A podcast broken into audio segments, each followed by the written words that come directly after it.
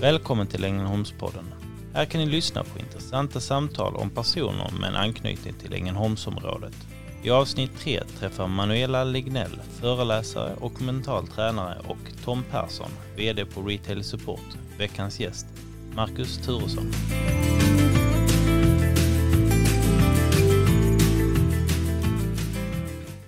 Välkommen till Ängelholmspodden. Jag heter Manuela Lignell och eh, idag har jag med mig eh, Tom Persson, VD för Retail Support.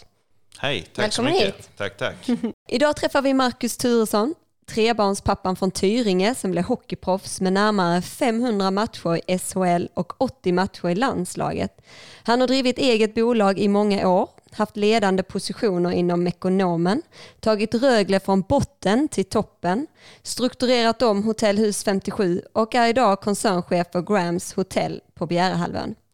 Han beskrivs som en naturlig ledare med handlingskraft på jobbet, men som prestigelös och mer anonym privat.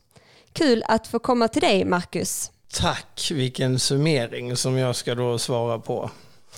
Tack så mycket. Härligt. Vi sitter ju faktiskt hos dig idag får vi väl säga på ett av Grams-hotellen som vi säkert kommer att diskutera lite mer senare. Men här sitter vi och tittar ut över Laholmsbukten en krispig dag. Det ser ju fantastiskt härligt ut. Precis, det är en fantastisk arbetsplats med, med den här miljön att titta upp så man får nästan eh, nypa sig i armen varje morgon när man kommer Det är hit. så här du har det varje dag helt enkelt. Ja, lyx. Lyckligtvis eh, så har jag det. Det är fantastiskt fint. Ja, det får man eh, verkligen säga. Ro för själen. När jag hörde att vi skulle få eh, äran att träffa dig, Marcus, så eh, fick jag också veta att du är uppväxt i Tyringe. Och Ja. det blev jag lite så här, wow vad spännande, för att där har jag firat alla mina jular sedan jag var liten och varit mycket på Tyrshov. Så att jag, jag tycker det var spännande att höra lite, hur, hur var det att växa upp i Tyringe? Ja men det var eh, eh, fantastiskt faktiskt. Eh, jag hade ju två eh, boenden där. Det ena var ju Tyrshov och det andra var ju huset jag bodde i på Basvägen 10. Och för de som inte vet vad Tyrshov är, ska du bara ta en liten snabb eh, förklaring? Eh, om jag inte missminner mig så är det Sveriges första multiarena som byggdes 1971 med ishall, simhall, bowlinghall, pingishall, gympahall, kafeteria. Där för övrigt jag hade rekordet i Pacman. Eh, och lagt många kronor på det. Så, så där fanns allt. Så där samlades väl eh, de flesta ungdomar skulle jag nog säga. Det fanns ju inte så mycket annat att samlas runt så att det blev en naturlig mötesplats. Ivars kiosk, är inte det en mötesplats eller är det bara för oss som kör igenom? Alltså eh, de som inte har bott där kallar det Ivars. Vi som bodde där kallar det Bengans. Eh, Och det var de första med en eh, platt köttbit på ett litet konstigt bröd som var väldigt, väldigt god. Så där samlades man efter träningarna eller fredagskvällarna med sin Syndap KS50. Härligt. Men hockey är väl ganska centralt i Tyringe, är det inte det? Eh, hockey är ju en stor grej och, och på den tiden jag växte upp där så var man ju eh, väldigt duktiga. Man var faktiskt, jag tror, ett par matcher från att gå upp i dåvarande elitserien. Och, eh, det finns ju en del hockeyspelare där som Peter Ilander, eh, eh, Håkan Algotsson, Janne Larsson, Stefan Larsson. Det finns ganska många som kommit eh, därifrån som sagt. Och det var ju alltid öppet. Man hade sina grejer på den tiden i ett skåp. Och då gick man alltid ner och var isen ledig så hoppade man ut och sen fick man pinna därifrån när vaktmästaren kom och var förbannad för att de skulle spola isen. Så, så eh, det är väl en, blev väl en naturlig grej. Låter ju precis som du beskriver det som en fritidsgård. Det här med att man kan komma och gå lite som man vill. Vilket kanske är lite ovanligt med en hockeyrink annars. Ja, det, det var ju så. Den öppnade ju eh, som de flesta hockeyrinkar gör tidigt på morgonen och sen hade jag ju, jag har ju två äldre bröder som också spelade ishockey och då min, min äldsta bror var i A-laget och då var jag ju lilla minstingen så jag hängde ju med där och Samla puckar och fick klubbor och eh, trasiga skridskor. Så man var, man var varit materialare någon gång när man var liten också. Och sen passade man på att få vara med och träna och sånt där ibland. Så det är klart det är många timmar som, som jag har lagt där. Och jag kan gissa att ni mötte Rögle ett par gånger också. Tyringe mot Rögle. Är det lite derbykänsla mellan er? Yeah, Det var på den tiden, men, men det jag kommer ihåg av det, det var att Rögle var ju så jäkla bra. Och det var ju då bröderna Elvenäs som var i den. Så det var, ju- det var ju egentligen så här att när vi åkte till Ängelholm så var det så här, ja men undrar om det blir 10-0 eller 14-0. För, för de var väldigt, väldigt duktiga på den tiden. Eh, så det kommer jag ihåg att det var. Men det var alltid speciellt. Det var ju Osby och Glimåkra och Rögle och ja men det var ju de, de lagen som möttes. Men eh, jag vet om vi, hade, vi vann nog aldrig, tror jag. Inte vad jag kommer ihåg i alla fall.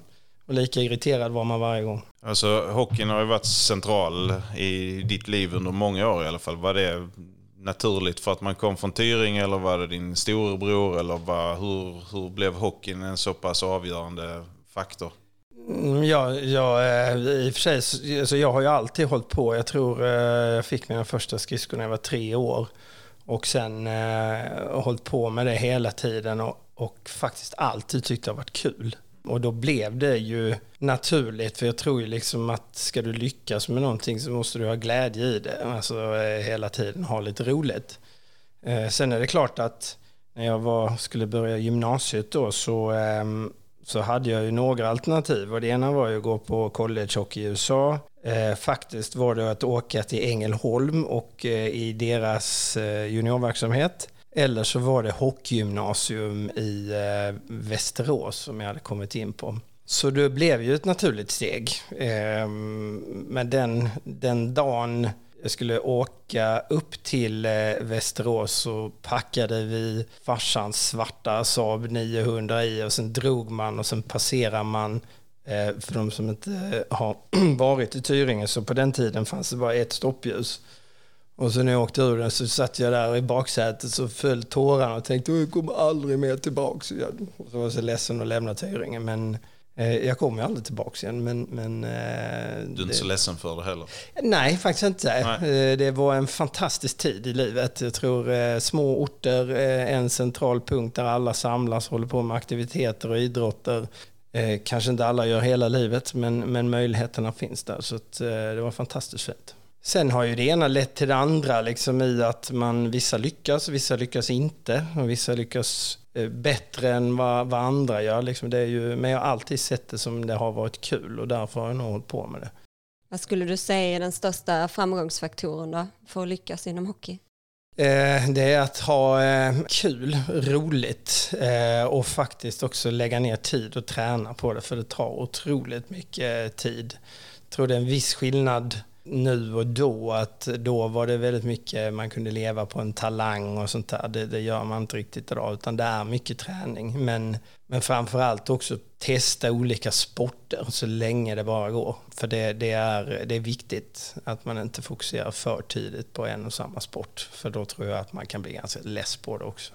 Men finns det inte en risk då när man åker iväg som 15-16-åring och lämnar Tyringe med, med tårar på kinden att man tar sig då iväg på ett äventyr som gör att det kan bli eh, mindre roligt för att man, eh, man hamnar i en sån position? Jo, det kan det vara. Det är klart att det beslutet är tufft för någonstans är man 16 år och flyttar 60 mil hemifrån. Det finns inga mobiltelefoner, du har inte tvättat. Du har, alltså, det är en ganska stor omställning. Men sen samtidigt så vet jag att eh, eh mina föräldrar alltid sa så att när du åker dit så gör du ditt bästa och sen eh, funkar inte det så finns alltid det här kvar.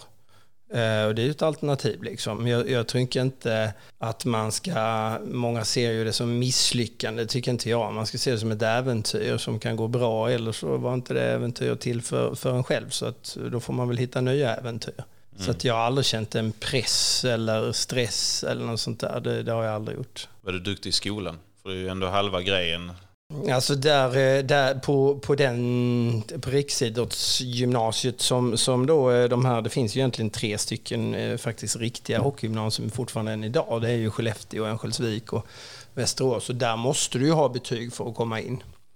Så, så man kan väl säga så att med nöd och näppe klarade jag det. Var du bättre eller sämre än medel i, i klassen? Jag var nog eh, medel och eh, duktig på det som jag tyckte var kul. Det som jag inte tyckte var kul gjorde jag nog mest precis och jag fixade det. Och sen drog jag till Tyrsov sen. Jag tänkte på det här med att du är storebror som spelar i A-laget. Ibland kan det vara så här att om man har någon eh, förebild att liksom ta efter så kan man skapa lite större drömmar kring sina liksom mål, vad man vill. Och när du då åkte iväg där på, på hockeygymnasiet, hade du redan en, en dröm att få spela eh, hockey i SHL? Eh, ja, det hade jag och jag tror att alla eh, någonstans i den drömmer om att eh, spela i NHL och i landslag och sådär. Sen, sen är det ju så rent statistiskt så är det ju ganska få som, som lyckas med det. Men eh, den fanns ju där och, och eh, sen hade man ju sina idoler med Börje Salming och någonstans tror jag faktiskt att jag hade Thomas Sandström också, sådär, vilket är ganska kul för han fick jag spela tillsammans med sen, så det är ju lite humor. Mm. Eh, men det, det, det, är klart att de drömmarna fanns där, men, men det är en viss skillnad på en, skillnad på en dröm och en press och stress att man ska lyckas, utan det, det fanns ju där när man eh, sprang och spelade landhockey och höll på och allting så, så det är klart att det fanns förebilder. Eh, alla drömmer väl, hoppas jag. Vad var det som gjorde att du lyckades? Ehm, jag tror ehm, talang givetvis. Alltså, någonstans måste man ha en viss talang för det. Det, det tror jag. Jag tror eh, hårt jobb. Och sen ska man ju inte sticka under stolen att man ska ju ha en, eh, en, eh, en portion flax tur också. Så är det ju. att Folk som är intresserade av dig, om du nu ska spela i SHL eller NHL, att de är vid den tidpunkten på den platsen precis när du gör någonting väldigt bra och Alltså det är klart att det är en, det är en, en del tur i det också, eller vara på rätt plats vid rätt tillfälle och sådär, så, så är det ju. Du pratar ju om SHL eller Elitserien, den debuterade när du var 18 år mm. i Leksand då, så då flyttade du dig från Västerås upp dit. Ja, det var ett annat beslut. Jag skulle gå tre år ekonomisk och eh, efter eh, två år så eh, ringde en, en hockeylegend vid namn Dan Labråten och sa att jag skulle komma upp till Leksand och eh, då tänkte jag okej, okay, jag har ett år kvar på skolan, hur ska jag göra detta? Och eh, jag vet min pappa åkte med mig upp och vi skulle förhandla kontrakt och, och så fick man träffa alla de här Leksandsspelarna som var ganska stora på den tiden och sånt där. Så titta på en lägenhet och, och sådär. Så det, det var ju en, eh, alltså det känns ju som att man lever i en dröm, att man eh, undrar är det här verklighet eller inte? Men det var samma sak där, de var väldigt duktiga på att lösa det sista året på skolan och var väl egentligen inte tanken att jag skulle spela i A-laget direkt eh, kan man väl säga egentligen, utan det var väl mer tänkt att jag skulle liksom stå på tur. Men kom jag dit i rätt period så eh, med bra spelare så eh, och fick faktiskt vara med direkt i A-laget från dag ett på träning och spela alla matcher och så lära mig av eh, ja, Thomas Jonsson var där och Jonas Bergqvist och de här. Så det var, var fantastiskt kul. Det, det, det, är en sån konstig känsla när man går in i ett sånt omklädningsrum. När man ser de här man har drömt om och tittat på tv och sen helt plötsligt så sitter man bredvid och går in i duschen. Det är lite udda känsla. Jag tänkte på det du sa innan att det kan vara lite tillfälligheter och vilken timing man har när man kommer in och eftersom det är en lagsport så är det ju väldigt viktigt vilka man får vid sidan om sig vilka mm. man har. Du kan berätta lite om vilken position du spelar i och vilka det var som lyfte fram dig. Och... Ja, men jag, var ju, jag har alltid varit centerforward eh, och eh, har väl egentligen är väl den personen som ska vara navet i en, en femma och har både offensivt och defensivt ansvar beroende på liksom i vilket system man spelar och så här. Men när jag var lite yngre där i Leksand så fick jag en, eh, en kedjekamrat som hette Richard Crom som hade en kanadensare som hade spelat i Calgary i många år. Fantastisk eh, människa som tog mig under sina vingar liksom och, och lärde mig väldigt mycket saker som jag tog, alltså små, små saker som det är svårt att säga liksom men man, hockey är ganska förutsägbart egentligen när man har hållit på med det ett tag eh, i spel och sådär. Man, man lär sig ganska snabbt var man ska stå och hur det ska se ut. Men sådana små saker och sen eh, därifrån sen har det oftast i, i eh, där jag har spelat så har man alltid hittat någon sån här kille som man klickar med i, i kedjan. Jag vet i HV71 var det Esa Keskinen och i Malmö var det Niklas Sundblad. Så det har alltid liksom taktat i på något sätt där man hittar en personkemi nästan lite i att man vet vad de andra är utan att man behöver titta där. Om du ska försöka beskriva dig själv som spelartyp, vad, vad, vilket kategori, liksom, vilket fack landar du i så fall? Ja, men jag, jag ska vara uppriktig sådär så jag var nog ganska mycket talang i början. Kanske inte tränade men inte extremt mycket. Eh, och sen så övergick nog det där till att eh, just ja, nu måste vi nog börja träna också. Så det var väl en period där, men, men jag har nog varit mer en spel, mycket spelförståelse, stå på rätt plats, eh, spelat mycket powerplay och um, lite mer kanske tanke än uh, att vara ute och boxas i hörnor och sådär. Men det är lite komiskt att säga det, för jag jämförde dina siffror mot Mattias Sjögren. Ja. Han är också en centerforward, han är också rightare. Ni är nästan lika stora.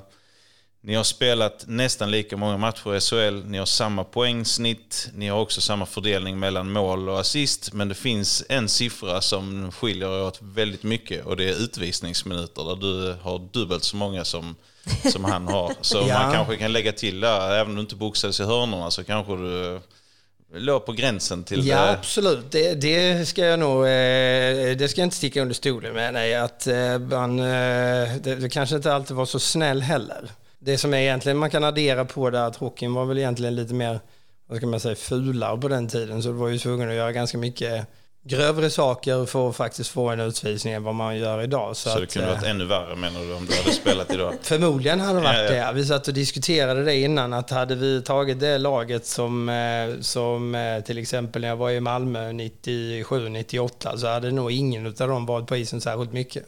Ja, men alltså, Malmö och, och Rögle har ju alltid haft en, en, eh, ja. en kärlek för varandra. Och i mina ögon då som, som Rögle-fan så är ju faktiskt eh, Malmö lite busigare.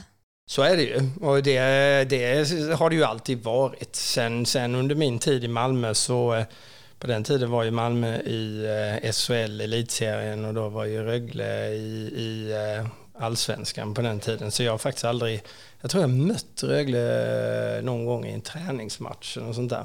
Men inte i Malmötiden, så jag har inte den, eh, den kopplingen. Jag har mött dem i Leksand däremot, har jag gjort. Men eh, det är klart, Malmö har ju en sån stämpel, eller hade kanske, och det är klart med den, med den laguppställning vi hade då så, så var det ju ett antal personer som var ganska tuffa, kan man säga. Så jag förstår att det har upprört känslor och det var nog inte bara i Ängelholm utan det var faktiskt... Men, men var det så, märkte ni det typ när ni skulle iväg på matcher att det var liksom lite så här Malmö är de här lite fula, om man tänker på Youngblood för er som har sett det, ja, äh, den så... filmen så var det ju lite så, vissa lag var ju inte roliga att möta för de bara, det var fula tricks och... Ja det var det. Och sen var det ju så att det var ju någonting som vi skapade själva också. Alltså det vet jag. Man, när man åker på uppvärmning ska man ju åka på sin egen sida. Vi åkte ju alltid en meter innanför på andra sidan för att se vad som hände. Så det var ju liksom ett, ett uh, självändamål i det, att driva folk till att uh, liksom bli lite irriterade. Så, så definitivt, så vi var ju inte sådär uh, eh, jättepopulära egentligen vart vi än kom. Det kan man väl säga. Men det var ingen som hade ett problem med det heller. Du har ju, förutom då eh, svenskt spel så har du varit lite i Finland, du har varit i Tyskland. Hur är, hur är hockey på den? Finland och SHL? Eller har man väl hört att det ska vara ganska jämförbart på... Nej men det är det, det är ganska jämförbart. Jag skulle säga nog att i Sverige är det en, en jämnare serie. I, I Finland, alltså på den tiden så var det ju ett par lag som var väldigt duktiga. Ett antal lag. Så det, det, det, är, en, det, är, en, det är en större jämnhet men Alltså i, i, tar vi topplagen i Finland på den tiden så, så hade vi nog slagit de flesta lagen i Sverige. Det var ett väldigt, väldigt bra lag som vi hade i TPS eh, då. Hur styrs man av ett sånt val? Alltså är det pengarna som avgör att nu eh, pausar jag i SHL en stund och så åker jag till, eh, till Finland och spelar där en säsong eller två? Eh, alltså är det för att man är trött på på Sverige eller vill man ha ett nytt äventyr? Eller är det, vad, vad styrde dig i en sån riktning? För det var ju ändå ganska, det var i mitten på din karriär. Du pausade en stund. Mm, nej men vi, jag spelade ju i HV 71 på den tiden och eh, då eh, efter den säsongen så eh, skapades någonting som kallas Bosmandomen. Det innebär att, eller innebar då att det var inga övergångssummor emellan lagen när spelare bytte lag efter kontrakten var avslutade. Så att eh, ekonomin var absolut en del av det. Eh, sen kittlades jag av tanken i att faktiskt vara en av de första svenskar som flyttade till Finland. Eh, och eh, Esa Keskinen som jag var lagkompis med i i eh, HV71 då eh, kommer därifrån. Och eh, där fanns en tränare som hette Vladimir Jusinov, en rysk, som var hjälptränare åt faktiskt Tishonov när det begav sig. Och sa att ta ett år eller två år där så ska du få se. Och den kittlade också. Åbo, alla säger, ja men alla pratar svenska och det är ganska enkelt. Det är riktigt så lätt var det kanske inte, det, det kan man ju inte säga då. Och eh, det var ju inte så många svenskar på den tiden som var i den finska ligan. Skulle nog säga att det var den bästa hockeytiden i mitt hockeyliv som jag var där.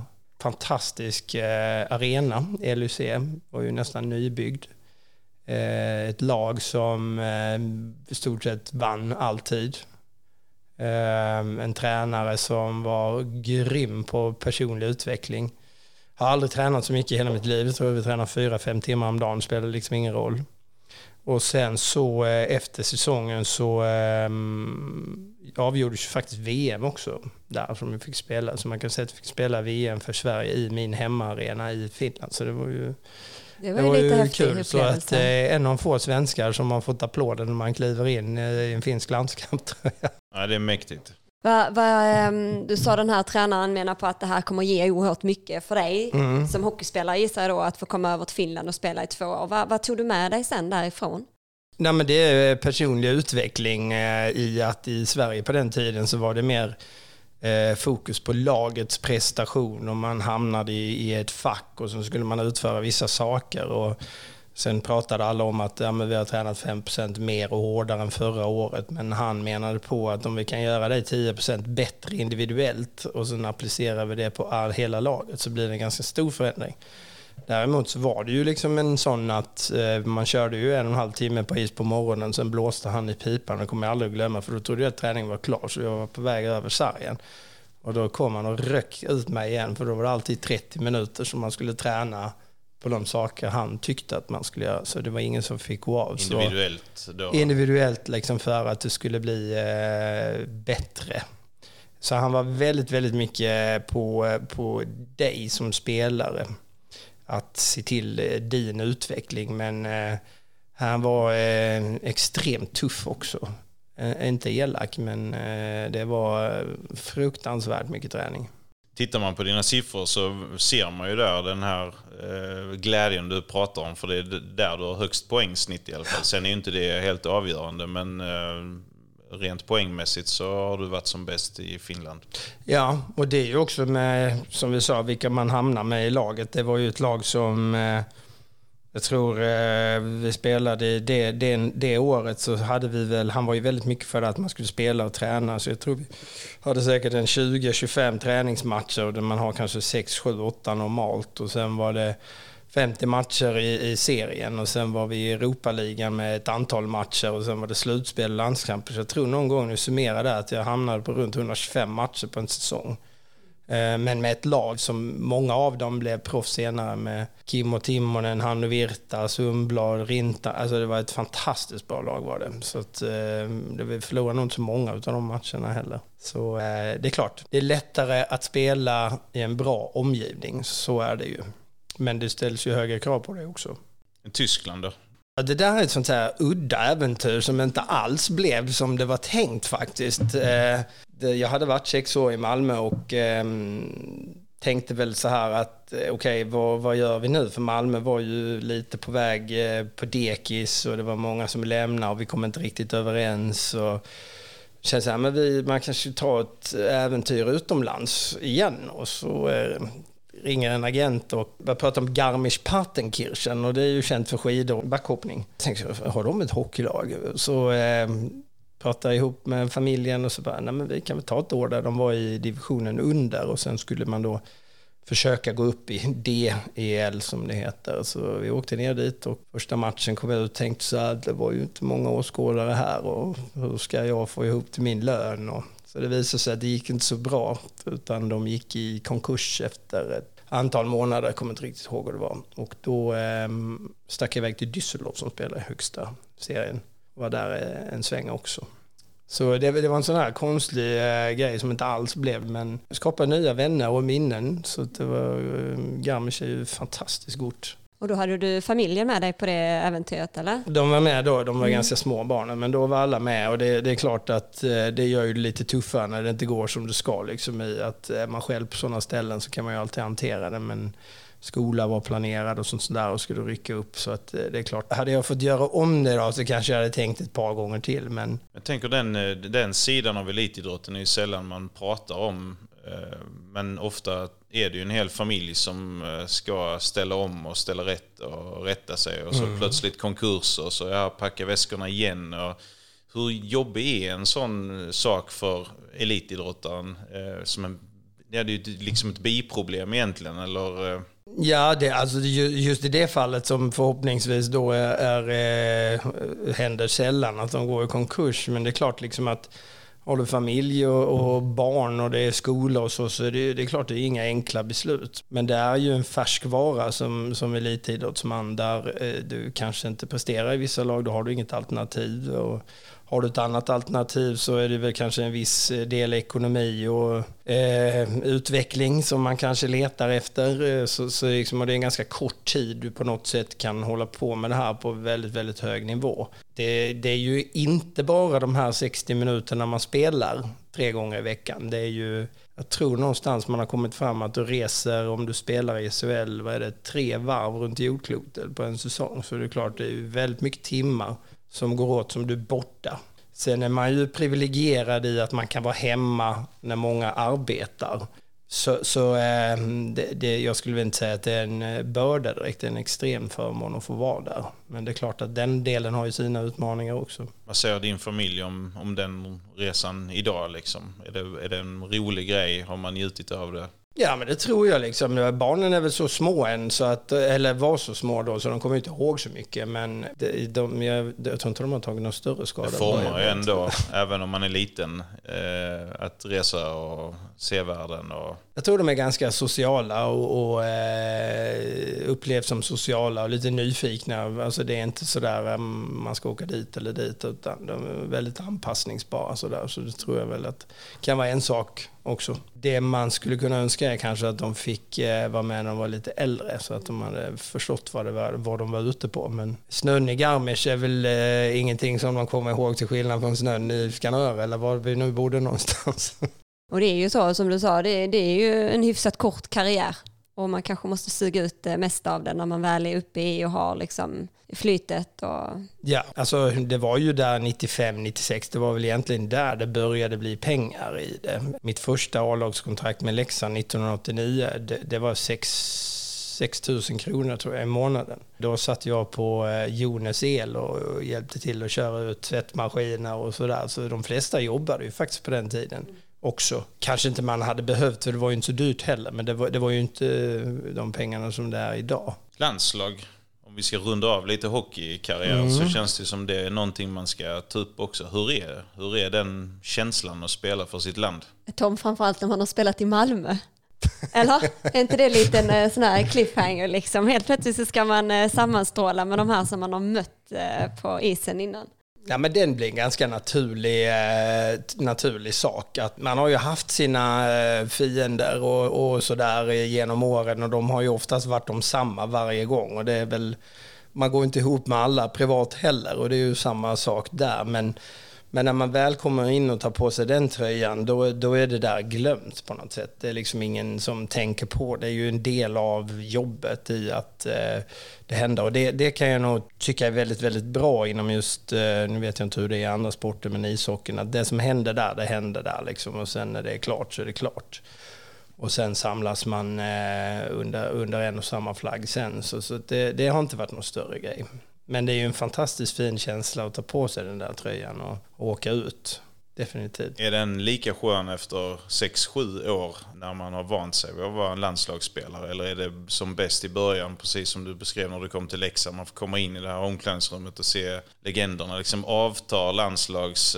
Nej, den, den, den avtar aldrig. Det är samma känsla där. För, för jag upplevde det som i att när man Spelare i ett och samma lag så ishallarna ser faktiskt likadana ut. Rutinerna är de samma men där är det nya konstellationer av människor, det är nya platser du är på, det är, det är alltid någon ny man möter, det är nya tränare och allting. Och det, det gör nog att eh, man är lite mer liksom på hugget i, för det, man vet inte riktigt, det är inte den här vardagen som kommer. Eh, men, men det är ju en eh, känsla som inte går att beskriva när man tar på sig den och åker ut. Så är det ju. Att representera sitt land är väl någonting som, som man önskar att alla skulle få uppleva någon gång. Har du något favoritminne från någon landslags jag har väl, alltså man, den, den första landskampen jag gjorde, så det är klart att den är ett minne, men då gjorde jag vad man kallar en indiana och passade fel, så det blev baklängesmål det är sådär liksom, jag tar med mig den som att det var min första eh, landskamp. Sen, sen är det väl i eh, Helsingfors i VM 97 när vi mötte Finland. Och om jag inte missminner mig så tror jag att vi låg under med 3-0. Eh, där, alltså det var ett fullsatt Hartwell så man hörde inte, satt nere på bänken, man hörde liksom inte sig själv. Man fick skrika där nere och de kom ut som Alltså det gick så fort så man tänkte så här, pang så stod det bara 3-0 och sen så vände vi och vann med 4-3 och då var det precis tvärtom för då kunde du höra den här knappnålen falla. Där inne liksom är liksom 12 500 knäpptysta. Så det är en sån där uh, grej som just den där uh, känslan i att det blir tyst. Alltså skillnaden mellan det ljudet och när det är tyst så som är fantastiskt. Och sånt här tycker jag är extra spännande som jobbar som mental tränare. Vad, liksom, vad gjorde att ni kunde vända det här? Vad liksom, kan du sätta fingret på liksom, vad var det som gjorde att ni hade den här kapaciteten att faktiskt vända det här 3-0 med ett publiktryck i hallen till er nackdel då på ett sätt? Jag tror eh, Kent Forsberg som var tränare då tog en timeout och sa liksom att ta det nu lugnt, det är ganska mycket tid kvar. För man försöker ju alltid visualisera vad det är du ska komma ut till. Men jag tror det var väldigt få som kom, kunde visualisera att det var det vi skulle komma ut till. För det, det var helt galet. Alltså det gick så fort som man... Eh, aldrig varit med om det. Och då var ju, det var ju de här Sakko Koivu och Teemu Sellen och alla de, det gick ju rasande tempo. Och sen sitter ju publiken ganska tajt i den där arenan så det kändes ju som att du hade åtta stycken emot dig. Och så börjar man göra dumma saker så blir det utvisningar och så bara rinner det iväg. Och, och på något sätt där är väl den där svåra känslan i, eller konsten att liksom tvärnita, börja om eh, mitt under en sån match. Det är ju sällan det händer. För det, det är ju, man måste ju få ett, bryta ett mönster någonstans. Så att, eh, sen är det ju lite tur också liksom i att det kommer att hända och sådär. Men jag vet i att man brukar oftast se framför sig vad man tror ska hända. Men just i det fallet så var det väldigt svårt. Eh, så det var, det var lite svettigt där ett tag. 2004 så var du 33 år gammal och då slutade du att spela hockey. Mm. Var det ett enkelt och snabbt beslut eller var det långdraget? Nej, det var nog... Eh, jag flyttade hem från Tyskland då och eh, kände, vi var inte så här lastgammal, liksom 33, men Nej. och träffade Malmö och hade lite intresse från andra klubbar, men kände mer att okej, okay, kommer det här att bli bättre? Eh, kommer jag liksom att bli bättre än där jag är idag? Kom väl jag fram till att det tror jag inte. Och sen samtidigt i att varför ska jag då göra det? Är det för pengarna? Man kunde hankat sig kvar något år till. Och, det, var inte, det är inte riktigt min grej, så att då bestämde jag mig där att nej, då, då struntar jag i det helt enkelt. Men det var inget sånt här tvärsäkert beslut, för att eh, jag var faktiskt inne och tränade med Malmö vid årsskiftet därför att de behövde folk och eh, lite sådär. Så att, eh, men, men kände liksom, nej, det blir inget man ska ändå växla om och det där. Jag tror, jag tror har man, man måste vara mentalt förberedd på det också och eh, jag tyckte väl inte det var jättekul längre. Så att... Du kunde släppa det med gott samvete till sist? Jag tränar nog typ varje dag i en och en halv timme, varenda dag i sju dagar i stort sett i veckan i, i ett års tid. Eh, eftersom man har gjort det hela sitt liv och, och, så, så det var ju svårt så, men inte vara på en is, det var, det var ganska okej. Okay. Och man har levt i den här hockeybubblan och jag kan tänka mig att mycket av ditt liv har handlat om just det fram till det här. Vad, vad liksom, ibland kan man uppfatta att det blir som ett vakuum när man väl slutar med något som har tagit så mycket av ens tid. Vad gjorde du för att liksom ta det vidare och komma på vad du ville göra när nu inte hockeyn var ett alternativ? Mm, nej, men jag, jag, har aldrig, jag har aldrig ska säga, levt i den bubblan. Jag har alltid eh, jobbat, eh, även om det bara varit några timmar, så har jag alltid gjort någonting vid sidan av. Eh, sällan umgåtts med mina lagkamrater utan umgåtts med människor utanför och fått se liksom, ja, det blir inte den här lilla smala bubblan vilket jag tror är viktigt att, att, att göra. Dels för eh, framtiden efter men också att faktiskt få annat att tänka på än att gå och tänka på hockey hela tiden. Men, men eh, jag vet i att det, det är klart att när du slutar, inte vet vad du ska göra, du har inget jobb, var ska du liksom börja någonstans? Så det är klart att de frågorna snurrar i huvudet. Och tänkte väl att eh, nej men jag, jag stannar hemma här några månader, det kommer ju bli bra. Och så tänker man, för fan alla andra jobbar ju, man är ju helt själv. Och det är inte sådär jättekul. Så eh, utav en händelse så, så eh, var det en Thomas Sandström, en före detta lagkompis till mig, som kom hem till mitt kök med en låda. Eh, och sen öppnade han en massa kablar och grejer i den och så var det, låg det ett alkolås i den. Och så, ja, men vi- det här bolaget är en kompis, kompis, kompis som vill sälja. Och, vi kanske skulle köpa det och vi hade ju ingen aning om vad det där var. Men vi bestämde väl oss att göra det för vi hade väl ingenting att göra ändå. Så så, så blev det. Sen började det därifrån. så då Men, stängde eh, vi fönstret till hockeyn ganska snabbt. Så det är bara en ren tillfällighet egentligen att, eh, att ni drog igång ett företag som pysslade med alkolås. Det fanns inget intresse eller... Nej, det var rena tillfälligheter i, eh, av en slump. Jag skulle faktiskt åka iväg på en anställningsintervju i Landskrona och börja sälja hockey eller så här underkläder när du idrottar, olika underställ och sådär. Eh, som jag hade fått kontakt i. Tänkte jag, men jag kan ju testa det där. Och sen kommer Thomas hem med den där och så tänkte jag, då får vi prova det här då. Så det är rent, ren tillfällighet, för får jag säga. Det, när man ser alla kablar och sånt, när man inte är elektriker eller någonting och undrar vad det där är för någonting. Och då ska man ju komma ihåg 2004 var det väl inte sådär jättemånga som visste vad ett alkolås var. Nej. Hur fortsatte den resan då? Både som företagare men framförallt produktmässigt? Ja, det, det var väl en av de grejerna som eh, vi satt och funderade på hur vi skulle liksom, det, är ju- det är ju en sak att köpa en produkt men hur ska man sälja och få ut den? Och, eh, eh, han ägaren till det då, han behöll 20% för det var ju så att säga uppfinnaren och teknikern så han, han behöll det. Så vi köpte ju då 80% och kom väl på idén i att eh, borde vi inte samla ett gäng eh, idrottskillar, för det var ju liksom det nätverket vi hade, och så gå igenom om de vill köpa in sig i detta och, och ta en diskussion runt det. Och eh, sen behöver vi nog en reklambyrå. Ja, då fick de köpa in sig. Och så behövde vi en advokat. Fick den köpa. Så det blev liksom en sån där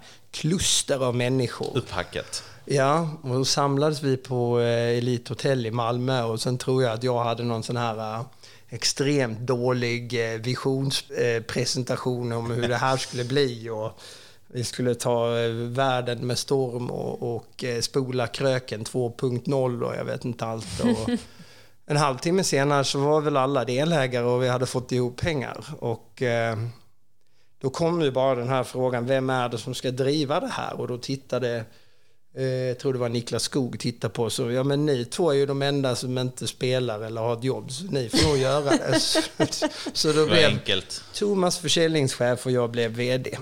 Och sen fick vi ta den här lådan och eh, göra vad vi ville med den. Vad gjorde ni med den? Vi eh, gav oss ut, eh, vi trodde att man skulle gå via återförsäljare för att montera en sån här sak tar ju en tid. Liksom. Det, det hade ju inte vi någon varken kompetens eller tid till. Men det var faktiskt ingen som ville, eh, det fanns ju ett, ett eh, alternativ på marknaden men det, så vi var inte sådär jättevälkomna. Det var inget större intresse för det så eh, då bestämde jag så här, men då, då, om du Thomas som är ett sjukt känt namn kan inte du ringa runt till lite kunder, stora med flotter och sånt där och presentera dig? Så, så kanske vi kommer på ett möte och det gjorde han. Och då gjorde vi affärerna den vägen och sen så åkte vi ut till återförsäljaren och sa att nu har vi en affär på om det kunde vara 100 alkolås.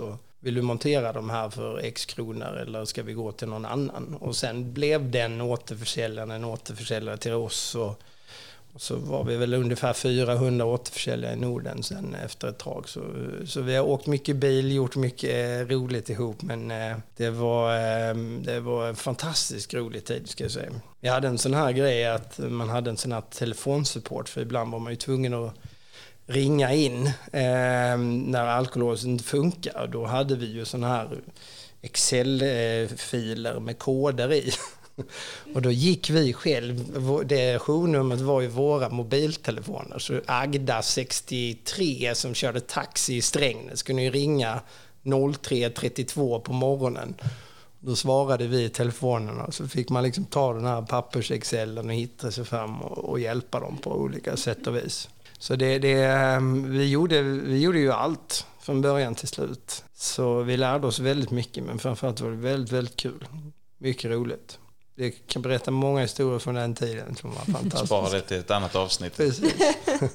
Men den här produkten, eh, om jag har förstått det rätt, den sålde ni vidare till Mekonomen sen? Ja, då, då eh, blev ju jag uppringd i, jag tror det var 2009-2010, där eh, Mekonomen ville köpa det här företaget. Och det är väl också en sån där grej som man tänker, ha, varför, varför vill de det? Men eh, vi träffades några gånger och eh, gjorde väl klart i, i eh, i Köpenhamn faktiskt när eh, Danmark mötte Sverige i fotboll och den här personen sprang in på planen när man har börjat matchen. Där Ja, gjorde vi upp. walkover. Och... Precis. Där gjorde vi upp allting och så blev det ju liksom, eh, det blev ju inte riktigt så kul för vi skulle göra klart det här och sen gå på fotboll så det blev ju lite magplask i att den, den dog ut. Men sen gjorde vi klart det. Och som en del i det då så ehm, följde jag med och jobbade under Mekonomens tak med den här produkten. Eh, för man såg en synergi med verkstäder och monteringar och man höll på med service och så här. Så att eh, det var ju därför man köpte det. Så då blev jag ansvarig för det inom ekonomen i Sverige då. Och sen så lanserades ju det i Norge och Danmark med, som jag sysslade med då i, jag kommer inte ihåg ri- riktigt hur länge för sen skulle vi sälja det bolaget och då sålde vi det 2012 tror jag. Hur är det att gå från att vara egen företagare med polarna eh, runt eh, skrivbordet till att hoppa in i en stor koncern och bli ansvarig för olika länder? Och... Eh, eh, jag var lite orolig för det, men, men det var faktiskt väldigt enkelt. Jag hade en fantastisk chef som eh, sa så här, "Nej, men det där vet ju du, så du sköter du det där själv så kan du komma till mig om du har ett problem.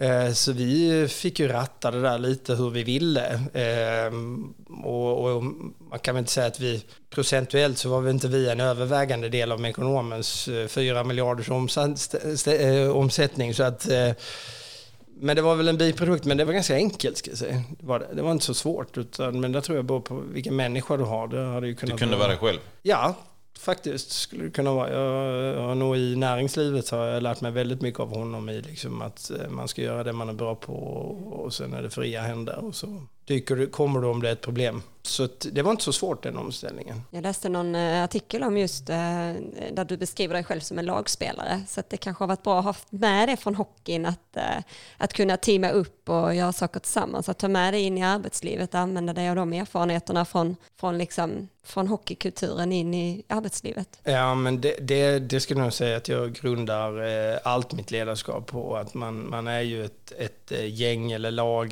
där, där liksom alla är faktiskt lika mycket värda i den här näringskedjan. Och är det någon som, som liksom kanske inte mår bra en dag eller har lite problem så är det ju vår uppgift att rycka upp den personen och hjälpa till och, och um, få det. Men alla har en uppgift, alla har ett ansvar. Ta ansvaret och kom om det är ett problem så löser vi det tillsammans. Uh, så, så de- definitivt skulle jag säga att allting kommer därifrån. Jag är fantastiskt nyfiken på dina år inom eh, Rögle BK då. Och eh, där passade jag också på att eh, läsa en liten artikel om eh, där du själv beskriver att det var fyra fantastiska år. Ja, det, alltså varje dag kanske inte var så här jätte, jättekul, men det var fyra fantastiska år för att vi eh, tillsammans med styrelse och sponsorer och alla bestämde liksom att vi, vi ska vara ett topp fyra-lag och vi måste liksom vända vända det här att, att våga prata om att vinna, att faktiskt vara bra, att, att eh, bli en ledande hockeyklubb i Sverige. Och, och eh, den är ju jättespännande. Sen kanske inte allting är så enkelt på vägen, för det, det var väl inte en spikrak kurva, så, så kan vi väl säga. Men eh, tittar jag tillbaks på det så eh, fantastiskt roligt. Eh, väldigt mycket timmar, eh, väldigt mycket tankar och funderingar, men eh, absolut ingenting jag skulle vilja ha ogjort. Men om man backar lite, hur, hur kom det sig att du blev tilltänkt till Rögle? Och kändes det naturligt eh, att gå tillbaka till hockey? Här fanns det en tanke kring, jag är ju egentligen mer Malmö än vad jag är Rögle. Eller hur såg du på hela den ingångsresan till Rögle? Jag hade ju pendlat upp till Stockholm ganska länge och det, det är klart liksom det, det har Som ekonomen då? Ja, precis. Och flyget och faret och kände liksom att eh, Eh, och separerat och skilt med barn och alltså det, blir, det, det är ganska många timmar man far omkring. Så, så tänkte jag att vi kanske skulle jobba eh, lite närmare hemmet och det var faktiskt en kompis till mig som sa att Rögle söker en ny klubbdirektör så du kanske tar ta det.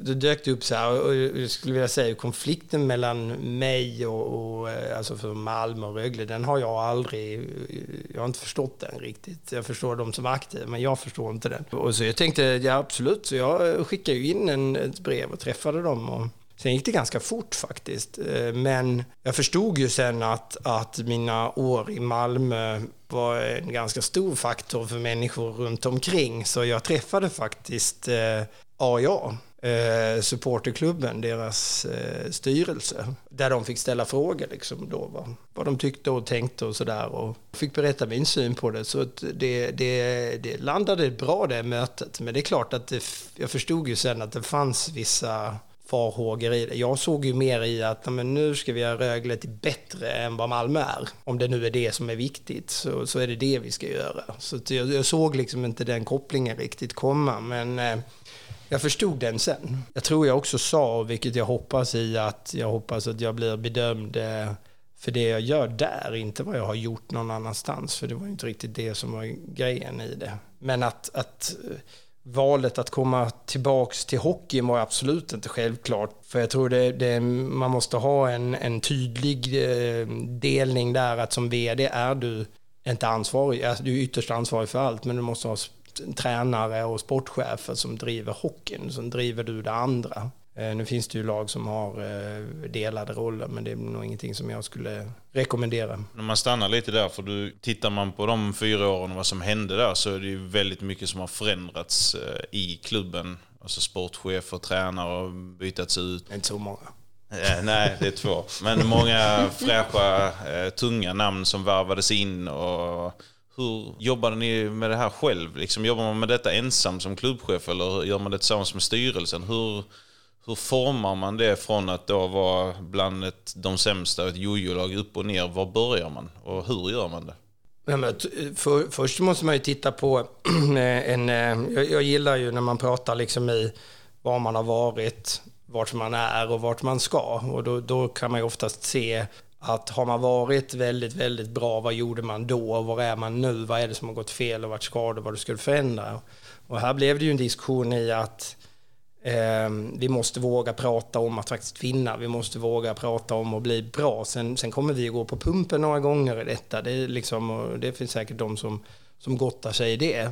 Men det börjar ju alltid liksom i en styrelse där man, man liksom fastslår någonting, en mål eller en vision. Som, som jag då ska ta med mig och se, är det här görbart eller är det inte görbart och vad är behoven för att komma dit? Um, och där konstaterade vi ju ganska snabbt liksom att för, för att komma uh, dit vi ska, så vare sig man tycker om det eller inte, så, så behöver vi pengar. Vi måste liksom sälja mer mat, vi måste sälja mer biljetter, vi måste sälja mer sponsorskap och vi måste ge människor en, en, en resa att vara med på, en destinationsresa på något sätt. Eh, så den började vi forma då i att liksom den målbilden och sen trillar man ju ner då i laget att vad är det här för lag? Eh, räcker det här laget? Och ledarna runt laget, vad är det för människor? Och eh, ska de vara med här om fem år och då är det de som ska driva den här resan? Och där konstaterar man ju då i att vissa kanske inte ska vara det. Och i, i idrotten är ju det är ju en brutal värld att leva i för att där kan du få sparken vilken dag som helst och, och, det är ju extremt resultatbaserat. Fördelen med det är ju att alla vet om det som är i den så det är ju ingen nyhet att det kommer. Sen, sen gjorde vi ju ett vägval eh, när eh, Anders Eldebrink lämnade. Där var ju ett vägval i hur ska vi forma klubben framåt? Eh, ska det vara etablerade namn? Ska det vara eh, människor som har ett enormt driv med vinnarskalle som vi ska liksom stötta och hjälpa på de här olika delarna. Och där landade vi ju snabbt i eh, både Chris och Cam då. Som var ju en chansning, absolut, men eh, eh, den, den, blev ju bra. Det blev den. Så, så, det är klart, många människor och individer har gjort väldigt mycket och, och eh, det här med eh, att man sätter och, förändrar en färdriktning så innebär ju inte att varken människor eller eh, idrottsföreningar eller företag har gjort någonting dåligt. Det är ju bara att man ändrar en färdriktning på ett annat sätt. Men, men eh, jag tycker ju att är man i den högsta serien, oavsett var du är någonstans, i vilken sport, så är du där för att vinna. Och du tävlar varje dag. Annars vet jag inte vad man gör där. Tvillingarna Abbott kändes eh, i alla fall som att omvärlden tyckte att det var lite skjuta från höften att ta in så pass orutinerade personer i en organisation och de är tvillingar och hela den biten. Kände ni någon tvekan i det att eh, hoppas det här fungerar? Eller var deras inställning till sport och vinnande och sånt här ett lugn? Nej, alltså det, det, är klart att det är varningsklockor i sånt där. Om man sitter och funderar, är det rätt eller fel? För det är ju en ganska det, det är en stor fråga som kommer liksom att svänga din framtid ganska ordentligt och, och, du vet om att det är väldigt många som kommer att ha synpunkter på det. Eh, och det, jag brukar säga det är alltid en balans när man fattar beslutet. Då är det 50-50 och sen, sen beroende på framgången så, så pendlar de här eller om man nu är bakslag i, i vad som händer. Men det är klart att de frågetecken fanns. Sen, sen är det ju att med deras historik i hur de var som spelare och då ska man ju komma ihåg, jag, jag vet ju inte vem de är, jag har aldrig mött dem, jag har bara hört talas om dem. Och efter diskussion så eh, träffade jag faktiskt Chris på eh, Stigs Café i Värnamo, sådant här gammalt klassiskt fik som jag, jag har varit där en gång och det var då. Vi hade nog pratats vid i telefon innan några gånger och han kommer in och krockar mig lite faktiskt för han har en eh, presentation om sig själv och vad han vill göra med Rögle. Och det är inte så ofta man träffar på det i sporten och eh, med den entusiasm och eh, när man ser att det lyser i någons ögon sådär så, så så väger ju fördelarna över nackdelarna. Sen, sen var vi ju väldigt överens om att de här bitarna tar jag, de här bitarna tar du och eh, är det några frågor på vägen så hanterar vi på det här sättet. Eh, så det var ju en väldigt tydlig och klar arbetsbeskrivning i eh, hur den skulle se ut. Och när han kommer in så, så sa vi så här att nu fokar du framåt så tar jag det gamla. Och de som vi eventuellt måste plocka bort, det, det fixar jag och så får du liksom hitta nytt och fram. Så det var en ganska tydlig eh, arbetsfördelning på det sättet att, att eh, vi, vi var några som stöttade och hjälpte och det var ekonomi och allting så. så att, eh, men, men drivet eh, finns ju där och då, då är det min tro i att om du har det här drivet och viljan då, då kommer du väldigt långt. Det gäller bara vilka människor du omger dig med som faktiskt kompletterar det du inte kan. Jag tänker på ett ord som du har använt ganska mycket under, den här, under det här samtalet och det är våga. Att man ska våga mm. och du har tagit vissa ganska så eh, vågliga beslut. Eh, att åka till Finland, inte så många svenskar gjorde det. Att åka till Tyskland och driva eget, starta eget, sälja, gå in i en organisation. Här vågar du ta lite järva och våga alltså ta beslut. Jag bara tänker hur, hur, hur har det kommit sig att du har blivit den personen som, som liksom vågar ta de här besluten och, och vad ger det dig i, i, i, din roll som, som ledare och vd? Skulle man fråga många så tror jag fattar sällan, jag skulle nog säga väldigt, väldigt sällan förhastade beslut. Eh, jag är ganska logisk, jag skulle säga väldigt logisk i mina tankar. Så att när det beslutet fattas, då vet jag för och nackdelar. Jag vet om vad risken är, typ till 90 procent. Men samtidigt så kan man ju säga, om jag hade valt någon annan så hade ju fortfarande risken eller framgången varit exakt likadan. Man vet ju inte. Och där, där tror jag att det är bra med nya, fina, friska människor som kommer in och tänker på lite olika saker. För gör man på samma sätt som man alltid har gjort så kommer det resultatet bli exakt likadant och kanske till och med lite sämre. Testa lite nya saker så att jag har inte varit så nervös. Alltså, går det åt helvete så går det åt helvete. Alltså det är ju en konsekvens man får ta som vd och, och eh, den har jag inga problem med. Jag, det är hur lugnt som helst för mig. Jag vet om att funkar det inte så får man gå och det är jag väldigt eh, bekväm i faktiskt. Så att, eh, jag, jag, vet inte, man säger våga, men för mig blir det mer logiskt. Om vi hoppar på Abbott och de eh, tvillingarna Abbott igen. Så i media så har det ibland kommit fram bilder som att du får hålla dem lite i koppel och eh, medla och hålla nere eh, intensiteten och så här. Är det en bild som, som stämmer eller är det bara, bara snack? Nej, nej, det stämmer. Eh, och, och det är ju, tycker jag, inte så konstigt. De var, tror jag, 32 år när vi, när vi anställde dem och eh, har en enorm passion och enorm vilja. Det är klart att de kommer att trampa fel vissa gånger.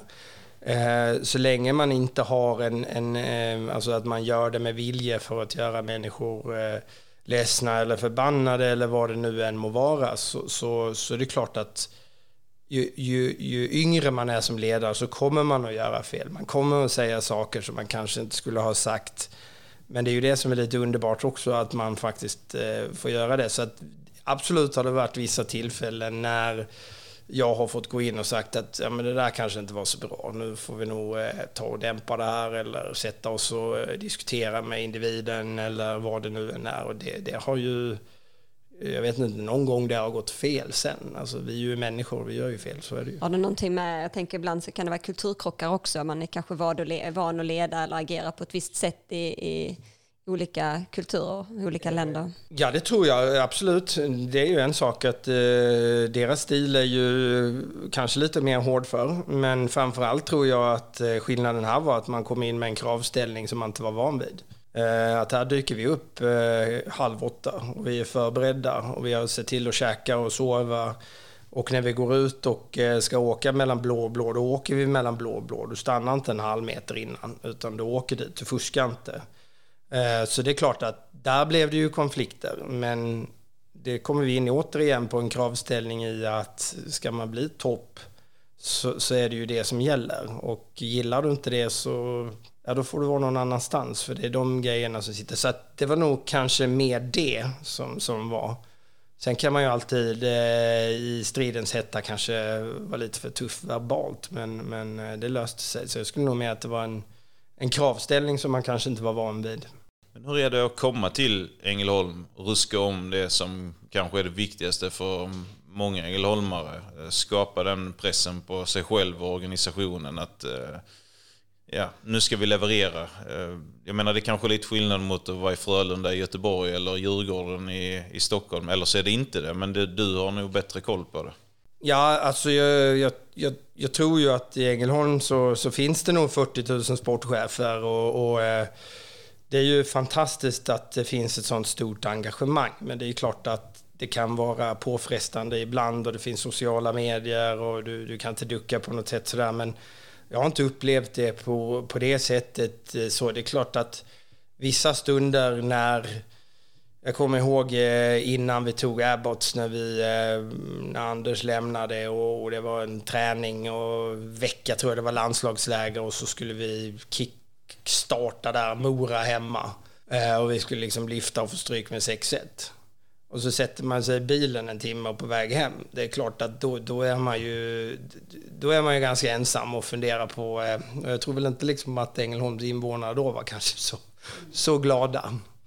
Men eh, jag har inte upplevt det som negativt alls. Så. Det har jag inte haft. Utan eh, jag har alltid sagt att eh, till AIA som jag haft mest diskussioner med och, och så här att min dörr är alltid öppen. Kommer ni in och har åsikter och synpunkter, ta gärna emot dem. Vissa saker så, så kommer vi att diskutera och vissa saker kommer vi inte att diskutera. Och vissa saker kommer ni att tycka är jättebra och vissa saker kommer ni tycka är mindre bra. Men, men resan dit, dit vi ska, den måste liksom vara gemensam.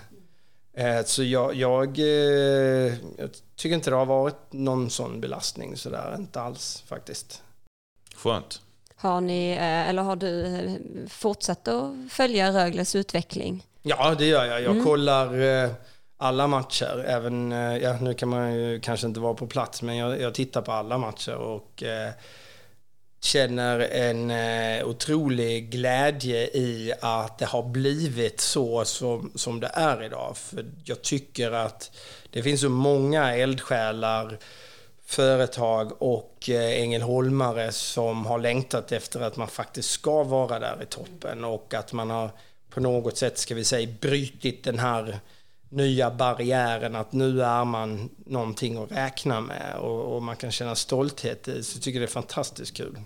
Men kändes inte det konstigt att sluta eh, där du slutade, mitt i eh, den utvecklingen? Kan man förstå de som tycker att ja, men var själviskt och sticka nu innan vi har inte vunnit någonting eh, i det här läget? Mm, nej, alltså jag funkar mer så att när jag känner att nu kan jag nog inte bidra med någonting mer. Då, då, eh, då, då är jag inte kvar. Om jag har, alltså för det, det kan bli en belastning och vi, vi de saker som styrelsen och kom överens med mig att vi skulle förändra och göra, de, de var ju faktiskt klara. Sen, sen om man vinner ett SM-guld eller inte vinner ett SM-guld, det, det är ju tyvärr kan man ju inte påverka det allt för mycket utan det är ju stolpe ut eller stolpe in eller så, så, så det känner inte jag liksom i, i eh, på det sättet. Jag är otroligt glad över att, att eh, laget har sådana framgångar. Även, ska tilläggas, att det var en grundserie och att man inte har vunnit något än. Men för tillfället och eh, skulle jag gissa på eh, lång sikt så är man inte det här bottentrasket. Och, som jag brukar säga, som är ett fint EKG på en levande människa där man hoppar i serietabeller. Utan det, det, det känner jag inte. Så jag känner mig kanske inte själviskt att jag lämnar. Jag kände mer att osjälviskt att nu är det dags för någon annan med, med den målsättning som den personen har och ta vid och, och ratta eh, klubben dit, dit man ska. Så det känner jag inte. Så jag vänder på den där, bara så du vet. I vårt eh, första avsnitt av Ängelholmspodden så fick vi eh, möjlighet att eh, prata med Maria Roth mm. som också har en karriär inom, inom hockey men kanske stött på lite mer hinder på vägen och hon brinner ju mycket för eh, eh, flickors rätt att också få utöva den här sporten som du har eh, älskat under, under din uppväxt och hur ser du på liksom, möjligheterna för till exempel Rögle då att, att utveckla och etablera en, en ungdomsverksamhet som, som även är öppen och tillgänglig för, för tjejer. Ja, men Maria är ju, är ju eh, grunden till det vi ser i Rögle idag. Eh, jag träffade henne, jag tror 2016, där vi satt och diskuterade i att där man eh, från SHL-håll hade liksom en, en tanke i att alla SHL-lag ska ha ett damlag i, i högsta ligan. Eh, jag har ju, hade och har fortfarande lite kunskap i, eh, liksom i flick och tjejhockey och damhockey. Så jag träffade Maria i detta ärendet och då sa vi så att det är bättre att börja från början, när de är små. Och sen får vi se hur det växer så att det blir liksom en seriöst att nu är det det här som gäller och ni är välkomna.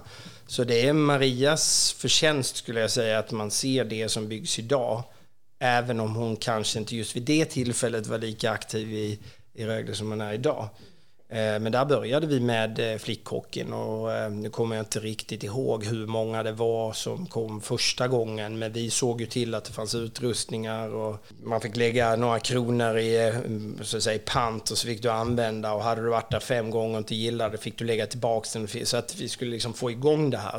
Sen är det en utmaning i tider Eh, nu säger inte jag att killar eh, ska ha mer och fler istider och så här, men det är en utmaning i istid, istider rent generellt, både för flickor och eh, killar, när, för det är en begränsad yta som är uppe på en begränsad tid på dygnet. Det är inte som fotboll, där man slänger ut en boll. Där vilar ju ett ansvar också på kommuner att, att investera i dem så att fler kan hålla på med ishockey. Sen är det ju en dyr sport tyvärr då, att man behöver bygga den här anläggningen för att man ska kunna göra det. Men men eh, jag, jag, tycker det är en självklarhet. Och jag tror och hoppas att eh, Rögle har ett damlag inom en snar framtid. Och faktiskt i att det är väldigt många egna produkter som började någon gång där runt 2016, 2017, det var när vi körde igång det. Så det tror jag definitivt. Du nämner det här med träningsarena och liknande. Det håller man ju på att expandera nu. Både en träningshall till och en våning till ovanpå Catena Arena. Mm. De diskussionerna måste ha funnits under din tid. De, ja, de började redan 2016 i, eh, där, där vi tittade på de andra lagen och då kommer man ju in i en, i en ekonomi i att ska, ska, vi, ska vi komma dit vi vill så, så måste vi ha en omsättning på kommer inte ihåg vad vi sa för pengar, och då, då räcker inte arenan till. Så vi måste bygga större arena. Ehm, och ehm, då fanns det diskussioner att eh, du är inte klok liksom. Var, varför? Eh, det är en jättestor risk och... Eh, Vi det, förstör akustiken. Ja, och det, arenan är tillräcklig och absolut, den är ju tillräcklig för där, om du är där. Men, men ska du vidare så går det inte. Och sen samtidigt så tror jag liksom att framgång föder framgång. Det är klart att människor blir intresserade ju, ju, ju bättre det går för Rögle i den här eh, fasen man är i och nu vet jag inte riktigt. Eh, jag tror den här är lite mindre än den vi tittade på då. Eh, hur, hur den ursprungliga ritningen. Men det har ju pågått i fyra år i alla fall skulle jag säga innan och vänts och vridits på hur det ska se ut. Det har det gjort. Så att det är ju kul att den kommer till, på plats nu mitt i en pandemi. Precis. Nej, men det är jätte, jag tycker den är helt, helt, rätt, eh, helt rätt att ta. Det, det, det kommer att göra det enklare och det kommer framförallt att få, få mer människor att titta på hockey. Om du tittar tillbaka på den tiden, då fanns det saker som du nu känner att det kunde jag ha gjort annorlunda och så här borde vi ha tänkt då? Ja, alltså tittar jag tillbaka så, så ska man ju säga, jag var ju där fyra säsonger, fyra år då och Eh, jag, jag trodde att det skulle ta tre år. Så det tog ett år längre än, än eh, vad jag såg i mitt huvud att det skulle ta. Och det har väl eh, lite i att skulle man göra om det idag så kanske vi hade gjort vissa justeringar i spelar och tränarsidan kanske tidigare än vad, vad vi gjorde. Fast det, det är ju i, i det dagliga så är det ju mitt beslut så jag har liksom ingen annan att klandra för det än mig själv. Så att... Jag tror du har satt din prägel eh, hos Rögle för vi har frågat lite folk som är engagerade inom organisationen om Marcus och vem är Marcus som ledare och så vidare. Och alla eh, har svarat, men det var framförallt en persons svar som vi kände att eh, det här eh, borde vi lyfta. Så jag blir rädd nu. Jag tänkte att jag läser upp det så får du försöka gissa vem personen i fråga kan vara. Mm. Marcus är kort, stöttande, direkt ledarskap, inget hymlande och beslutsam. Han har hjälpt och pushat mig i en helt ny roll, han ifrågasatte sällan beslut utan ville mer höra motiveringen till dem. Han ställde alltid höga krav och lät mig jobba mot dessa självständigt och på mitt sätt, men fanns alltid tillgänglig för frågor och diskussioner. Även om vi ibland haft olika sätt att se på saker och det kunde leda till hetare duster så fanns det alltid respekt och tolerans mellan oss. Jag är tacksam för hans visioner, hans förtroende och hans ledarskap. Uh, initialt trodde jag på ett annat namn, men jag skulle säga Chris. Det är faktiskt Cam. Är det Cam? Mm -hmm. Jag ja. tänkte att, ehm, ja, vill du göra en respons på den? Nej, nej men det är fantastiskt fint och det, det, är klart att vi har eh, haft våra duster och, och eh, jag ser ju, jag kan säga så här att vi ska njuta av Cam-tjänster så länge han är här för att, eh, att han är huvudtränare för ett NHL-lag då skulle jag inte bli överraskad, det kan jag säga. Det är en fantastisk eh, person och driven. Eh, och skulle jag nog säga den, den enskilda individens utveckling som eh, har gått snabbast. Skulle de sitta ihop som ett par om man flyttar till NHL eller är det tänkbart att dela upp dem? Alltså den där frågan har jag faktiskt ställt mig själv. Liksom. Och skulle du ställa ställa frågan till dem så skulle de nog säga nej, nej, vi är två olika, men jag vet inte riktigt i hur mycket sanning det ligger i det. Jag ska, jag, det är svårt att skilja på dem skulle jag tro. Jag tänkte vi skulle avsluta lite hockey igen. Mm. Eh, det har varit en hel del hockey och det har varit fantastiskt. Och som du sa Tom innan att eh, Ängelholm brinner ju mycket för Rögle och hockey i sig. Men vi sitter ju här på Grams hotell idag mm. och eh, du är ju då ganska ny här i din nya roll på, på Grams hotell. Hur hamnade du här? Det var en diskussion med eh, Backa Hill som är, eh, har ett stort engagemang i ishockeyn och arenabyggen att, att eh, vi hade en eh, diskussion i att eh, när jag kände efter min tid i Rögle att när jag kände att jag började bli klar, för det, det, det pratade vi också tidigt om i min anställning, liksom att när jag kommer till en punkt så kommer jag se till och då sa vi till och då då blev det en, en öppning här ute. Eh, så eh, jag hade förmånen att få, få gå här bredvid den förra vdn och några månader och, och se de här fantastiska anläggningarna. Och, eh, sen, sen kan man ju säga att den resan har väl kanske inte varit eh, trubbelfri heller för man kommer till fina anläggningar och det är en sommar som stundar och sen så kommer corona och sen försvinner den och sen är det full gas och sen kommer restriktioner. Så man kan säga att det är, det är en berg och dalbana. Men eh, det var den anledningen och idag äger ju Backe Hill 100% av driften i den här hotellen. Så att eh, vi, det är väl en, en relation sedan tidigare som har gjort att jag är här. Och förhoppningsvis att de tycker att jag är bra på någonting också, kanske ska tilläggas. Du nämner corona och aspekten hotell och restaurangverksamheter har väl tagits mycket stryk av det. Här är ju både och på den anläggningen vi sitter på nu, men hela Gram är väl, är väl i stort eh, hotell och restaurang. Mm. Hur tar man sig an det? Hoppa in i, en, i ett sånt eh, tillstånd och ett sånt läge? Det, det, är ju klart, det är ju otroligt utmanande för det är ju ingen som har eh, varit i en sån här situation innan och kommer det i en kort, eller en kort period så kan man ju hantera det men här har det ju varit Först var det ju helt handbroms i mars, april, maj och sen var det ju full gas eh, fram till oktober och sen var det ju tvärnit igen. Så det, det är klart det är svårt att göra analyser, det är svårt i att eh, hitta vad man ska trycka och vrida och sådär. Men jag, jag, tror nog så här, man, i, i sådana här tider ska, så får man försöka jobba med saker som man kan påverka. Och är det någonting vi kan påverka så är det liksom framtiden i hur vi, för vi kommer ju att komma ur det här någon gång och hur ska, den, hur ska anläggningarna se ut och vart vill vi vara om tre år i en perfekt värld? Så att vi, vi har ju fokuserat mycket på investeringar i form av renoveringar och tillbyggnader och gått igenom organisationen och mycket sånt där. Men, men sen är det ju också en, eh, det är en stress för organisationen. Så jag tror, jag tror som ledare så måste man försöka hålla lugnet i och, och mana till lugn att, att inte stressa varje dag utan faktiskt försöka jobba med saker som man kan påverka för annars Annars blir det svårt att se skogen för alla träd, så, så är det.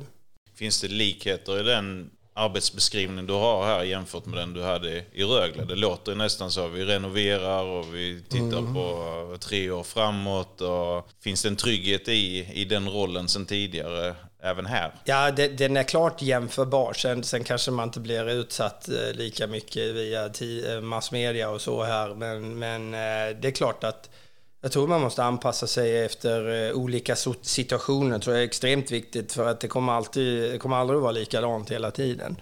Och även om det är pandemi eller sånt så, så omvärlden kommer att förändras. Så där gäller det att vara ganska vaken och flexibel i det. Men det blir ofta i att, att eh, när man ska agera snabbt i sådana här eh, situationer så, så kanske det inte är riktigt genomtänkt alla gånger. Så att vi försöker ta det lugnt, vi försöker se till att anläggningarna ska vara toppform och vi försöker få mod och gjuta in mod i organisationen. Och, och sen har jag en stor respekt för det är många människor också som har en, eh, eller det finns en oviss framtid för många. Att eh, man är permitterad, sen är man inte permitterad och ska man bli varslad och så. Så jag tycker nog att eh, de, de människorna som är där har nog större utmaningar än vad vi har.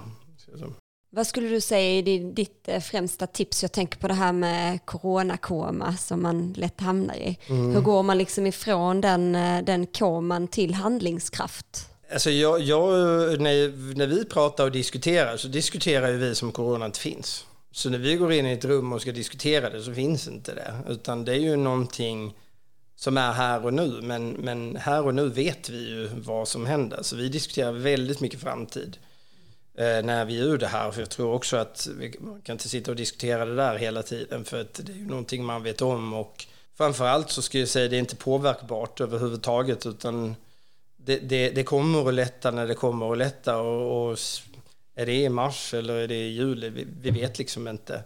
Så att eh, jag har nog mer det här icke påverkbart och påverkbart och det coronapandemin för mig är inte, jag, vi, vi, vi, vet inte liksom hur vi ska få bort den utan eh, jag ser nog mer så här att människor är lite försiktigare idag.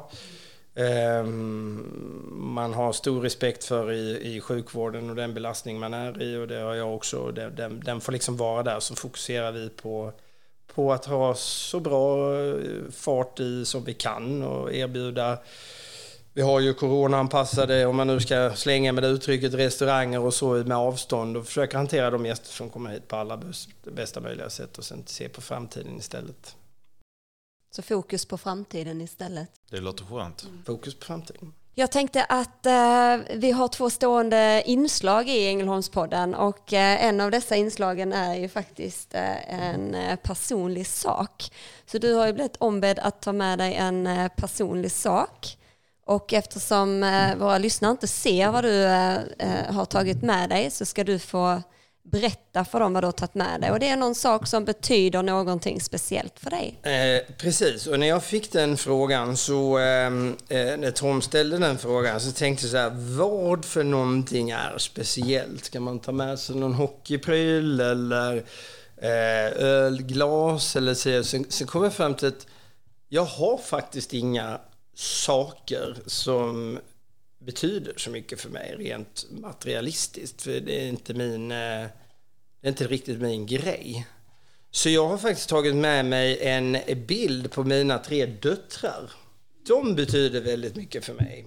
Ända sedan de föddes och fram till idag när de är, får man väl säga, någorlunda halv, självgående. De betyder jättemycket för mig. Eh, saker är, eh, det, det kan ersättas och det eh, finns ett visst säkerligen affektionsvärde i vissa saker men, men döttrarna betyder väldigt mycket för mig i, eh, i vardagen och uh, jag satt faktiskt och kollade på den här, uh, vad heter den, på Renés brygga med uh, Mr uh, Volter när han sa hur vill du att dina barn ska komma ihåg dig? Ja men han var en schysst kille. Den är faktiskt ganska cool tycker jag. Mm. Är det så du hoppas dina döttrar ser dig? Jag hoppas det. Han är en schysst kille och han försökte så gott han kunde. Liksom. Och vi, vi, eh, vi har en, tycker jag, nu kan inte de svara på det, en fantastisk relation i det. Det just det här eh, föräldraskapet från de är små till de är stora, hur det förändras. Att helt plötsligt så behöver de inte en längre. Ja, de behöver att man swishar eller om det är något annat. Men liksom, det är en ganska cool känsla faktiskt. Marcus, hur gamla är dina döttrar idag? Eh, de är 23, 21 och 18. Eh, så ehm, ja, och när den sista tog körkort och satt någon här om kvällen tror jag med en öl i handen så tänkte jag shit alltså tiden går fort. Den här lilla. Men um, som sagt, eh, de betyder väldigt mycket. Så jag hoppas att det blir en K kommer som en schysst kille som försökte. Oh. Och var schysst på att swisha ibland. Ja. Du får våga. Ja, jag ska göra det. Alla våra gäster får också dra varsin fråga från föregående gäster. Mm. Så att du ska få eh, dra en fråga ur den här skålen, eh, vilken du vill. Och så ska du få öppna den och läsa frågan och sen då ge ett svar. Det är lite som Melodifestivalen. eh, vem är din förebild och varför? Det var faktiskt en väldigt, väldigt enkel fråga. Det är min, eh, nu finns inte min pappa längre, men det är eh, min förebild eh, fullt ut. Och varför? För det var en person som var fantastisk i allt, men han var väldigt orädd. Han kunde allt. Frågar man någonting om hon, till honom så kunde han allt. Och kunde han inte det så tog han reda på det. Eh, om det så gällde snickerier eller el eller eh, Skriva resor. avtal med Leksand. Skriva avtal med Leksand. eh, så, och pappa gick bort för eh, ett par år sedan så här och det, det ska jag säga, det är en, eh, en, en, stor förlust för mig. Jag tänker på honom varje dag men eh, det är min förebild. Det är det, definitivt. Så jag har ingen levande förebild men eh, jag har... lika bra. Precis. Ha kvar han i minnet för alltid i alla fall. Precis. Jag tycker att med det så, så avslutar vi och tackar så mycket för en härlig intervju och samtal med dig Marcus. Tack. Tack, Tack så, mycket, mycket Tom också. Tack så mycket. Tack för att vi fick komma hit. Tack ska ni ha. Det var kul att ha er här. Tack för att du lyssnade på oss och följ oss gärna på sociala medier såsom Instagram, Facebook eller LinkedIn. Där heter vi Ängelholmspodden med E. Där kommer vi lägga upp bilder från avsnitten och nyheter om kommande gäster. Har ni tips på gäster eller andra frågor, skicka dem gärna till info engelholmspodden.se. Vi skulle vilja skicka ett stort tack till Fredrik Larsson som lånar ut sin låt Världen är din till oss. Låten finns att lyssna på på Spotify. Och till Pierre Boman som har gjort vår logga. Eftermiddagen är så lång, kapeten nästan tom och jag är lugn där jag sitter vid ett bord. En hätsk debatt, ett utländskt par. sitter mitt emot. Jag hör tidningsbladen vänds sakta bakom min bil Det skulle alltid vara vi. Tills vi blev dem. Nu är hela världen min, lika mycket som du.